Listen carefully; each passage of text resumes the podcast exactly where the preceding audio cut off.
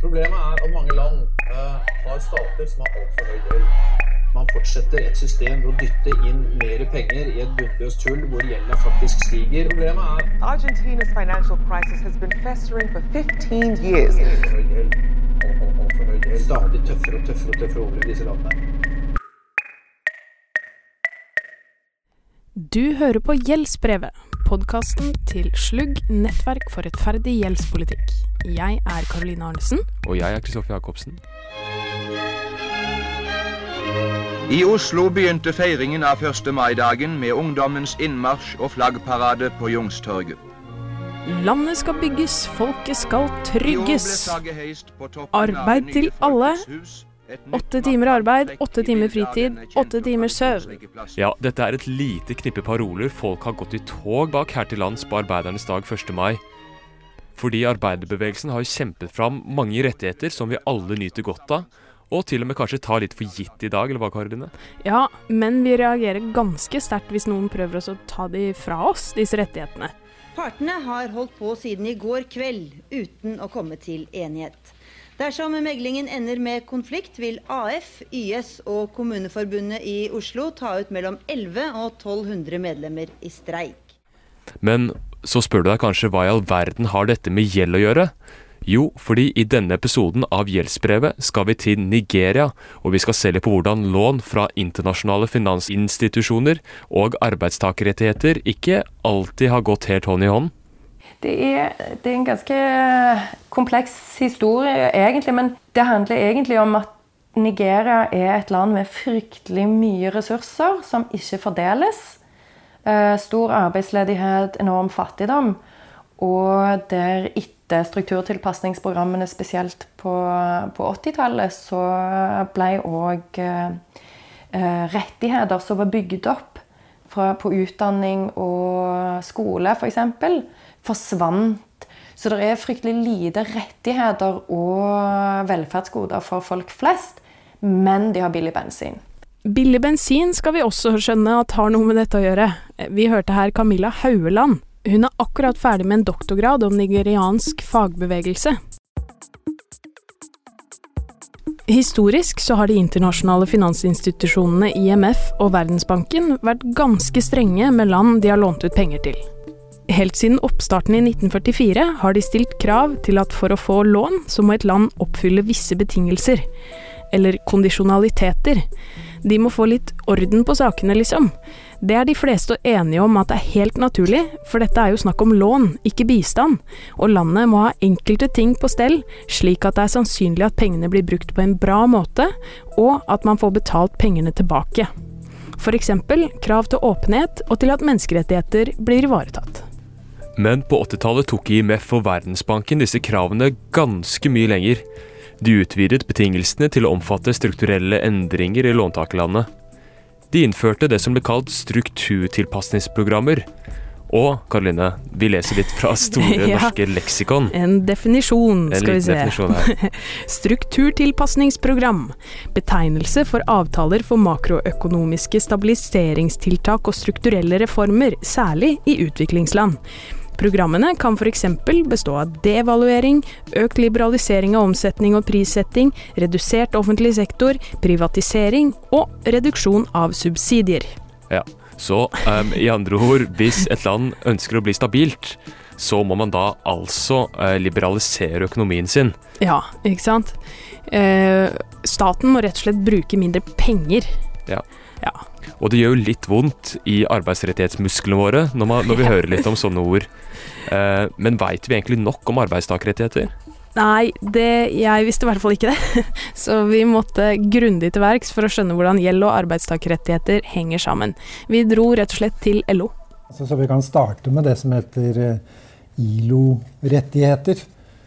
Hvor det er en tre-fire som liksom er helt uh, grunnleggende, uh, og som vi tar som helt for gitt i Norge. Men eh, du bør ikke så veldig langt ut i verden før det er eh, virkelig aktive problemstillinger. Da. Altså at folk mangler det. Og det er, hvis du ramser opp, så er det at det ikke skal være slavearbeid. Det skal ikke være barnearbeid. Og du skal ha full rett til å organisasjonsfrihet, altså organisere deg og gå sammen for å bidra til liksom en maktbalanse i, i arbeidsmarkedet. Dette er Stein Regård. Han var sjefsøkonom i LO i 24 år, inntil han gikk av i fjor. Og han møtte oss for å lære oss litt mer om arbeidstakerrettigheter. Han forteller at i arbeidsmarkedet, i motsetning til de fleste andre markeder, er det ikke konkurranse som skal være den viktigste driveren. Gjennom menneskerettigheter, arbeidstakerrettigheter, egentlig etablert som en regel at det skal være samarbeid. Så vi er på en måte pålagt å samarbeide av myndighetene, eller i hvert fall oppmuntra til det. Og da etableres det gjerne fagforeninger, som er de som samarbeider om prisen på arbeidskraft. Men de kan jo også samarbeide om mye annet når det gjelder forholdet til arbeidsgiveren. da. Hvor mye de skal finne seg i, hvor mye de skal kreve osv. Dette samarbeidet mellom arbeidstakere er etablert for å sikre at maktbalansen mellom arbeidsgiver og arbeidstaker skal være sunn. Blir avstanden mellom arbeider og sjef eller investor for stor, kan det påvirke økonomien i et land negativt. Man skjønner jo at en bedrift ønsker å kutte i lønninger, fordi det er den største kostnaden som oftest. Men hvis folk ikke får nok betalt, så er det heller ingen penger å bruke i markedet i landet sitt. For det er, ikke, det er ikke nok at bedriftene liksom får letta sin kostnadsposisjon. Hvis markedene deres er stagnert eller blir svekka samtidig, da, like da, blir det bare en ond sirkel. Da, da forverrer du det. Du reduserer kjøpekraften. Eh, og den bedrede konkurranseevnen det da tilsynelatende gir på bedriften, den blir jo ikke utnytta. Det er jo sånn som han eh, Ford jeg veit ikke hva han heter til fornavn. Henry det. Ford. Henry Ford. Eh, han skjønte jo det, at eh, hvis han ga de ansatte nok betalt, så hadde de råd til å kjøpe seg biler. Mm. Eh, og da gikk det jo veldig bra med hans bedrift. Ja. Men på den andre siden, da, hvis man ikke har skjønt det han Ford skjønte, så kan man rett og slett hindre at den jevne befolkninga får ta del i velferdsutviklingen i landet. Og det kan skade landets langsiktige utvikling. Det har betydning for hvordan et land ikke bare har det nå, men hvordan det vil gå i lengden. Og der er det jo sånn at dette er det eh, viktigste skillet mellom fattige og rike land. Det er jo det hva arbeidstakerne tjener. Med strukturtilpasningene til IMF og Verdensbanken så ble det for mange fattige land på 80- og 90-tallet gjennomført en rekke tiltak som svekket arbeidernes rettigheter. De kjørte en hard frihandelslinje. Alt skulle være så fritt. Fri handel, fri flyt av arbeidskraft, minst mulig statlig innblanding, minst mulig regler som hindrer denne frie flyten av alt mulig. Og selvfølgelig minst mulig statlige utgifter. Dette var jo landet økonomisk trøbbel, med store underskudd på statsbudsjettene sine. Altså at det det har, vært perioder hvor det har vært liksom eh, rettferdiggjort økonomisk og, og, og, nærmest være tøffest mulig. da. Og forlange at statene reduserer sine utgifter, f.eks. ved å skjære i, i, trygder. Det er klart at På kort sikt så sparer jo staten penger på det. Eh, så i den forstand kan du jo forstå IMF, men det kan hende at de drar den så langt at de undergraver mulighetene for en mer positiv utvikling på sikt. Og da kan du si at eh, IMF er for kortsiktige. Ja, fy søren, det høres ganske urettferdig ut. Du har liksom jobba hele livet og spart opp pensjon hos staten, og så bare kutter de inn. Men nå er jo kanskje Trygg litt i grenseland for å være den aller mest prekære arbeidstakerrettigheten, da. Så hva med lønn og arbeidstid og vilkår og rettigheter på arbeidsmarkedet? Men det er litt det samme. At uh, jo, det kan tilsynelatende se ut som om bedriftene vil spare mest på å kutte lønna veldig mye. Men, men det, jeg vil si at etablert økonomisk innsikt er at eh, en skal ikke gå for langt i å presse ned lønninger heller. Fordi at eh, dels går det utover folk på en uheldig måte. Men det er heller ikke bra for bedriftene at de venner seg til å bruke bare lavlønte, lydige, undertrykte arbeidstakere. For det, det gir ikke noe press på bedriftene til å utvikle seg. Da kan de gå og subbe med useriøsitet og billig arbeidskraft som selger seg billig, og ikke får noe trykk for å investere mer, drive mer effektivt osv. Så, videre. så det er vel anerkjent som en, en problemstilling. At uh, det der også er viktig at det er, er, balansert. Og derfor er det viktig at IMF har folk som forstår arbeidsmarkedet, og som ikke er for uh, arbeidsgiver- og kapitalistvennlig. da. En studie fra 2015 viser en klar negativ sammenheng mellom IMFs strukturtilpasningsprogram og arbeiderrettigheter.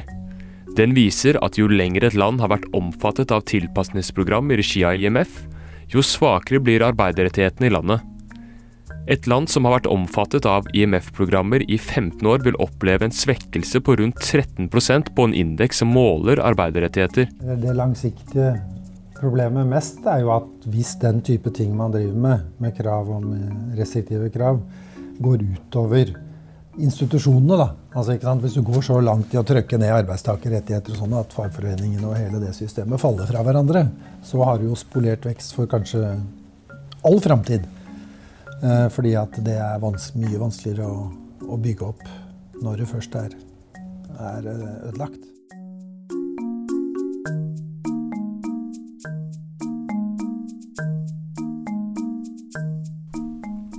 Så det er altså et potensielt veldig stort problem når IMF går inn i et kriserammet land og krever at et land skal rydde opp på denne måten for å gi lån. Men hvorfor gjør de det da? IMF og Verdensbanken burde vel se denne sammenhengen også? IMFs rolle er jo å gå inn med, med kriselån, stort sett, til land uh, som har fått en økonomisk eh, krise, finansiell krise av ulike årsaker. Noen ganger er det selvforskyldt. At det er uh, dårlig styring, uh, overforbruk av penger. Uh, bevilgelse altfor mye, gjerne høye lønninger, store, store budsjettutgifter som det ikke er finansieringsgrunnlag for i landet. Dette er Steinar Juel i Civita. Han er samfunnsøkonom med bakgrunn fra både Norges Bank, Nordea, og han har også vært personlig rådgiver for to Høyre-finansministre. Han skal hjelpe oss å se dette fra IMFs standpunkt. IMFs idé er at du da skal gi en eh, gjøre det mulig for landet å komme på beina igjen. Eh, for land som da i utgangspunktet ikke vil greie å få finansiering eksternt. Eh, for i en krise så holder private investorer seg ute. De vil ikke tørre å gå inn. De fleste, i hvert fall få, gjør det. Eh, så for å hindre at disse landene som kommer i en krise, skal kollapse fullstendig, så går IMF inn og, og gir lån på visse betingelser. Det er sentralbankene rundt omkring i verden som utgjør IMF sin kapitalbase. Og IMF vil sørge for at pengene de låner ut skal komme tilbake. Og også at de selv i noen tilfeller går med et lite overskudd. Eh, det, disse betingelsene som settes, kan høres ganske tøffe ut. Eh, men alternativet er mye verre. Hvis ikke IMF hadde vært der, så hadde, så hadde nedgang i levestandard og eh, mangel på mat og varer og alt dette her vært mye, mye større enn det som er tilfellet fordi du har IMF-systemet. Eh, så det er, liksom, det er å gi kriselån til land som ikke ville greid å få lån ellers. Eh, å få det på beina igjen. Det er ideen. For å bedre på et kriserammet lands budsjettunderskudd vil IMF foreslå kutt i offentlige utgifter på forskjellige poster. Man skulle gjerne ønske at alle kunne ligge på norske nivåer, velstandsnivå, men, men, men det er ikke sånn verden ser ut, at de har grunnlag til å gjøre det. De kravene IMF stiller om å privatisere statlige selskaper og åpne markedene, er fordi de tenker at det er en viktig del av medisinen for at landet skal kunne tiltrekke seg investorer, og også å få på beina rettslige betingelser og systemer som trygger disse investorene på at de får pengene sine igjen. IMF skal ikke være inne der hele tiden. Eh, og landet skal komme gjennom dette eh, og dermed komme inn i en situasjon hvor de kan låne penger normalt i kapitalmarkedet og greie seg selv. Pluss også at man eh, i den grad det er litt vannstyre, at land skal lære at du kan ikke bare drive vanstyre, bruke for mye penger, få hjelp av IMF, og så starte på nytt igjen med vannstyret, og så få hjelp av IMF igjen. Så, sånn, kan, sånn, sånn kan, kan, man ikke ha det. Det er sånn på godt engelsk kalles moral hazard. At man må unngå det. Han forteller at IMF ikke er en beinhard, liberalistisk utlåner som kanskje private kreditorer kan være. I land som da eh, selv sier at vi kutter ikke helse, men vi kutter noe annet, ja. så er det greit for dem. Ja. Eh, men i land hvor, hvor, hvor, eh, hvor, de, IMF setter betingelser, så går de inn og ser på mange ting. Og de, men de, de prøver å, å, å, å Eh, skjerme liksom ordninger som skal drive rive fullstendig grunnen under de, som, de, de, svakeste gruppene. Det betyr ikke at pensjoner er fredet, men det betyr at eh, si, hvis hvis pensjonene er veldig høye, blitt veldig høye, så må de også ned. Som man også krever på lønnssiden. Men man sier ikke det at liksom minstepensjonen skal settes null. Man sier ikke at utdanningssystemet skal liksom nulles, men man, man, går ned på det som er eh, overdreven pengebruk i forhold til landets evne til å bære ting. Ja, Det høres jo veldig forretningsmessig ut. Og forskjellen på å gå inn og gjøre endringer i en bedrift og i et land, er jo at det er befolkningen som helhet som må ta konsekvensene. Og i tilfeller hvor et land i tillegg har korrupte autoritære ledere, høres det veldig urettferdig ut at IMF foreslår å gjøre kutt som fratar disse vanlige menneskene rettigheter som helse, utdanning og levelønn. Men IMF kan ikke gå inn og velte en korrupt regjering. Det hadde vært helt feil om de skulle blande seg inn i politikken i et land. Alt de kan gjøre, er å gi lån, og da stiller de krav. Det er krise, er krise. Det er sånn det er, altså. Dessverre. Og da er det ingen andre enn IWF som står klar til å gi eh, lån. Liksom, de kommer inn når ingen andre vil. Historisk sett har disse kravene ført til leie konsekvenser for landene som har mottatt lån. Men Steinar Juel har inntrykk av at dette er en organisasjon som lærer av sine feil. De er mye mer pragmatiske ja, enn de var eh, ja, 30 år tilbake. Så var det nok en mer eh, Litt mer dogmatisk, kanskje. Det er mitt inntrykk. altså. Så, så, mitt inntrykk er at de er en lærende organisasjon, og de vil sikkert lære mer fremover også. Når det er krise, så må altså et land noen ganger ta valget mellom å tiltrekke seg investorer eller å innfri befolkningens rettigheter. IMF sin medisin er investorer først, og så kommer rettigheter forhåpentligvis etterpå. Det er privatøkonomien til vanlige folk som må lide hvis det kommer krav om at arbeidsmarkedet må være mer fleksibelt, altså kortere kontrakter og færre faste ansettelser, eller at det skal kuttes i antall jobber i offentlig sektor, eller at minstelønna går ned. Fagforeningene har jo blitt sett på som en, eh, en økonomisk eh, hindring for, eh, for en liberal økonomi. Bl.a. fordi de har eh, framforhandla unaturlig høye lønninger.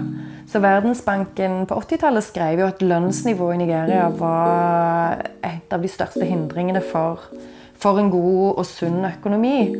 Så, så, da gikk de den gangen på, på lønningene, ikke minst i offentlig sektor. Her hører vi Camilla Haueland igjen. Altså På 80-tallet så lurer jeg på om reallønnsveksten til arbeidere i Nigeria ble redusert til nesten 20% altså en femtedel av det han var før liberaliseringen. Så det var en sånn helt vill endring i levestandard for vanlige arbeidere. Nigeria er en stor oljeprodusent, og den nigerianske økonomien er veldig utsatt for svingninger i oljeprisene. Det var oljefest på 70-tallet, så Nigeria så ut til å være en slags afrikansk rising star, men da oljeprisen falt på 80-tallet, var landet på grensen til krise. De sendte en søknad til IMF for å få et kriselån, og IMF sto klar med en strukturtilpasningspakke. Så de første konkrete liberaliseringsavtalen i Nigeria var 1986. Men de hadde gradvis liberalisert før det.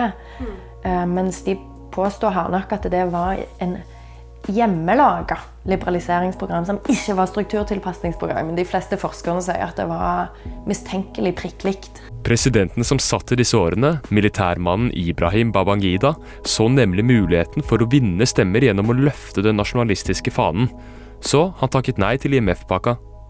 I stedet gjennomførte han noe som han kalte Homegrown Structural Adjustment Program, hvor de i prinsippet gjennomførte alle kondisjonalitetene IMF hadde stilt, og hadde IMFs søsterorganisasjon Verdensbanken inne for å monitorere og sponse med lån.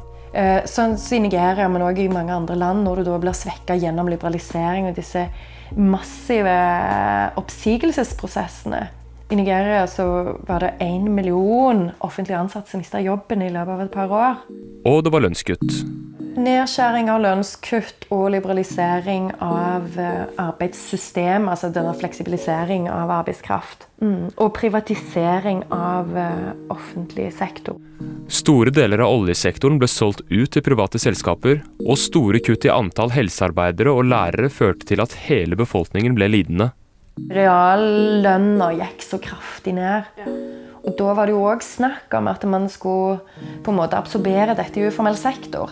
Men uformell sektor ble òg helt sprengt, så det var ikke, det var ikke plass. Så det var en uh, reell nedgang òg i inntektene i uformell sektor. For de er òg avhengige av pengeflytende som ofte handler om at arbeidere går på markedet for å handle osv. Så, videre. så Så etterspørselen gikk jo nødvendigvis sterkt ned. Så dette gikk òg utover uformell sektor, som ikke klarte å absorbere alle disse nye menneskene som var ute og skulle prøve å få orden på inntekten og livet sitt. Camilla har sett på oljearbeiderne sine arbeidsforhold, og forteller at de som sitter i sentrale, faste jobber, har gode betingelser i Nigeria. Men de er ikke veldig mange. Det gjelder spesielt seniorarbeidere. Hun anslår 20 000 som har gode betingelser. For resten av arbeidsstokken fikk disse strukturtilpasningene forferdelige konsekvenser. Mens eh, i offentlig sektor i Nigeria så er minstelønnen satt under fattigdomsgrensen. Og i stor grad så er det veldig mange offentlige ansatte som ikke får lønna si. Og det samme i mediebransjen. Selv om man er fagorganisert og faktisk har en jobb, så har man så lav inntekt at man faktisk regnes som fattig.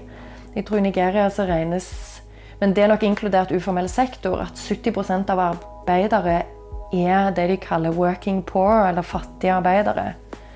Så jeg blir ofte litt sånn irritert når folk snakker om disse fagforeningene som representerer disse her eh, eh privilegerte arbeidere. For det er ganske vanlig i Uganda, Zambia og Nigeria at offentlig sektor-arbeidere får fryktelig lave lønninger. Det Camilla Hauland så nærmere på i doktorgraden sin, var noen store protester i regi av fagforeningene i 2012.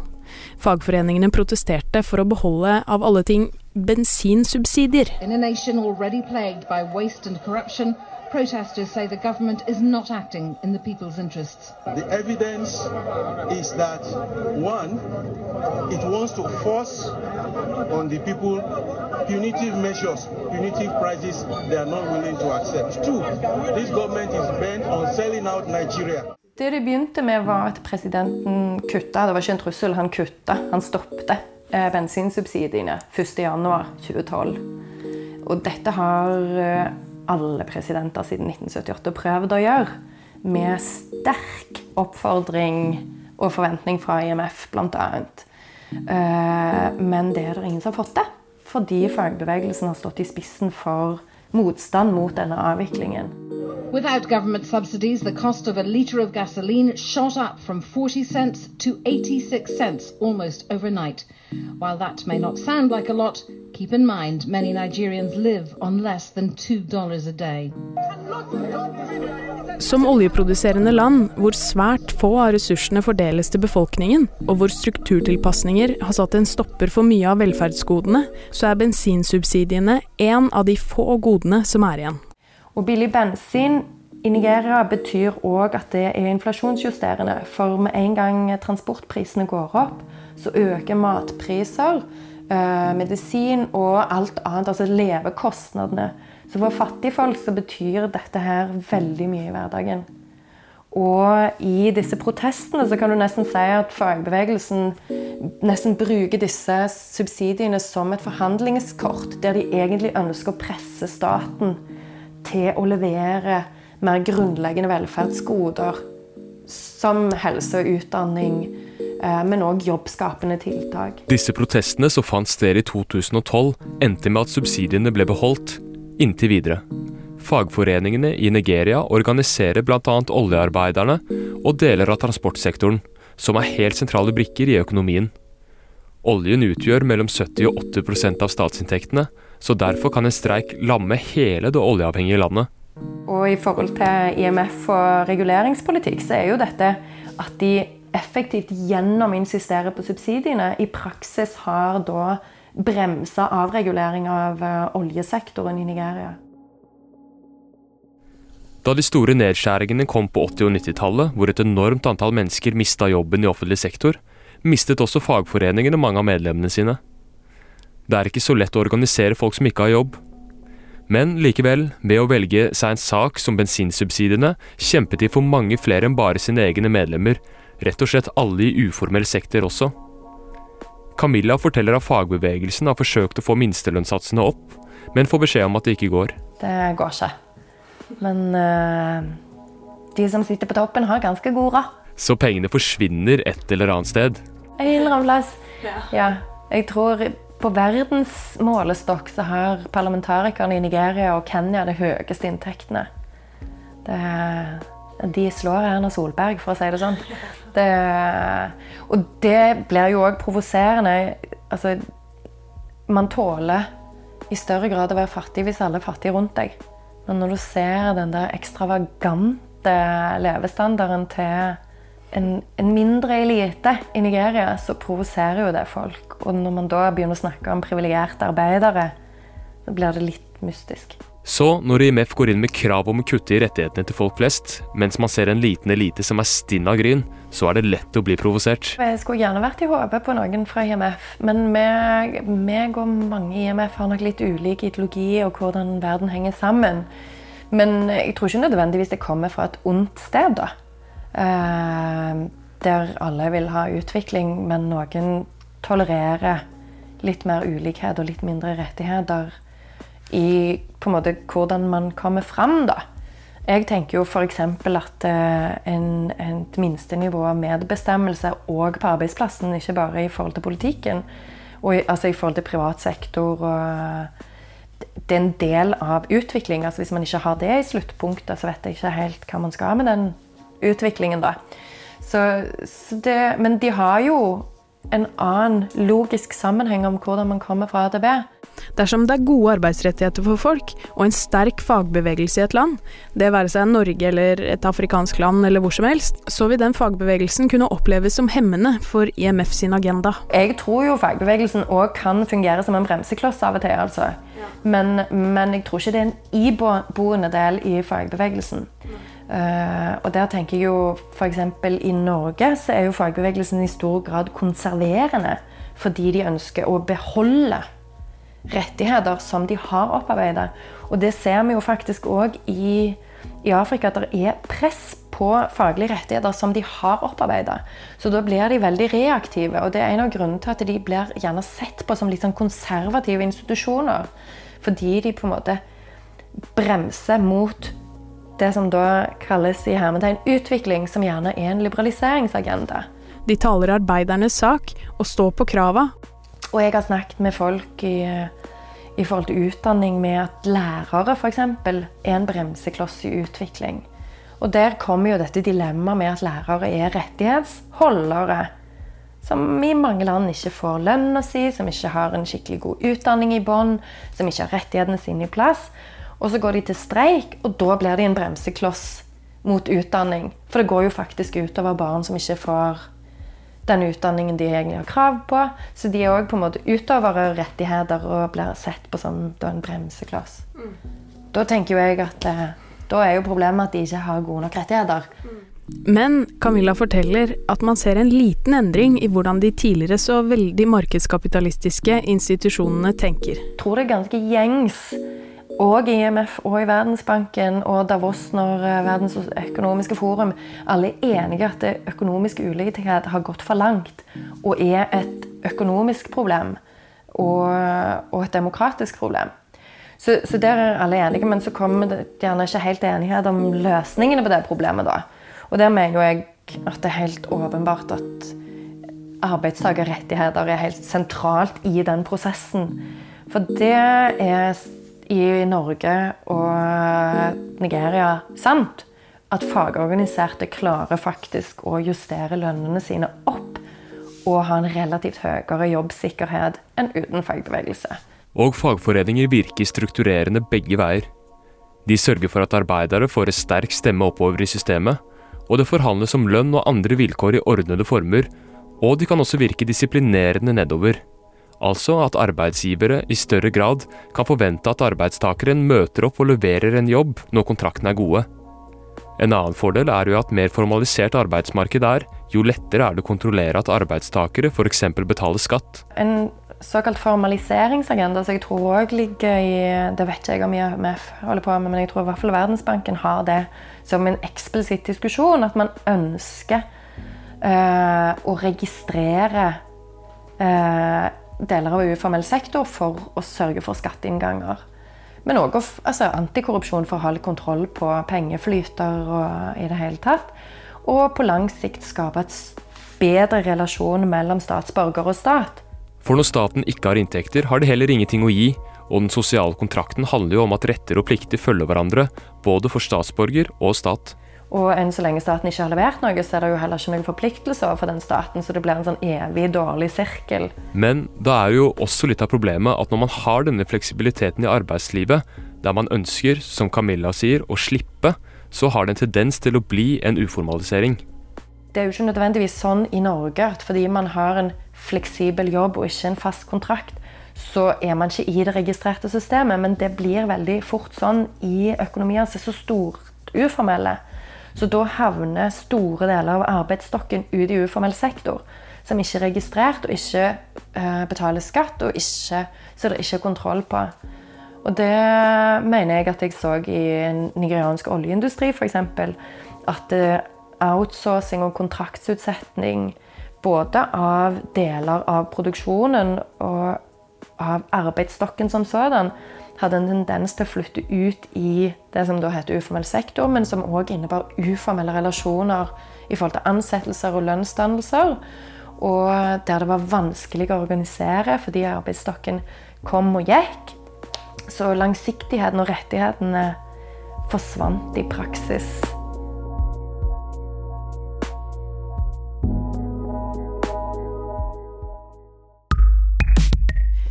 Så IMF og Verdensbankens kondisjonaliteter som går på arbeidstakerrettigheter, kan få ganske katastrofale følger, har vi lært i denne episoden. Det har vi, og vi ser da altså en tett sammenheng mellom nettopp arbeidstakerrettigheter og gjeld, som ja. vi jobber med. Og vi i Slug vi mener jo at det er viktig at de internasjonale finansinstitusjonene bidrar med økonomisk støtte på en måte som ikke undergraver eller svekker arbeiderrettigheter men at de derimot hjelper land ut av vanskelige økonomiske situasjoner på en måte som respekterer menneskerettigheter og andre forpliktelser som disse statene har påtatt seg. Ja. Og det er jo ganske mye som har skjedd siden 80- og 90-tallets eh, strukturtilpasningsprogrammer, da. Eller altså, IMF sier i hvert fall at det har skjedd eh, ganske mye. Ja, de sier at de har blitt mykere, men forskere som har sett på dette, de er kanskje litt uenige. De tror kanskje at det er litt mer på det språklige, at de har et mykere ja. språk, men ikke faktisk gjennomfører mer så mye handlinger. Nei, og vi må jo passe oss litt for det, og ikke falle for det derre oppmyka språket. Ja, ja, ja. Det er viktig å skille mellom retorikk og praksis, som eh, noen smartinger en gang har sagt. ja, men vi i Slug skal øh, følge med, vi. Vi følger alltid med, og uh, vi vil også veldig gjerne takke for at dere hørte på Gjeldsbrevet. Dette var da episode nummer syv av denne podkasten, mm -hmm. med da meg, Kristoffer Jacobsen. Og Karoline Arnesen. Dere må huske å følge oss på Facebook, og ja. høre på de andre episodene av Gjeldsbrevet på Soundcloud. Mm, og sjekk ut eh, slugg.no for eh, god og oppdatert politikk på arbeidstakerrettigheter og gjeld. Vi høres. Takk for oss.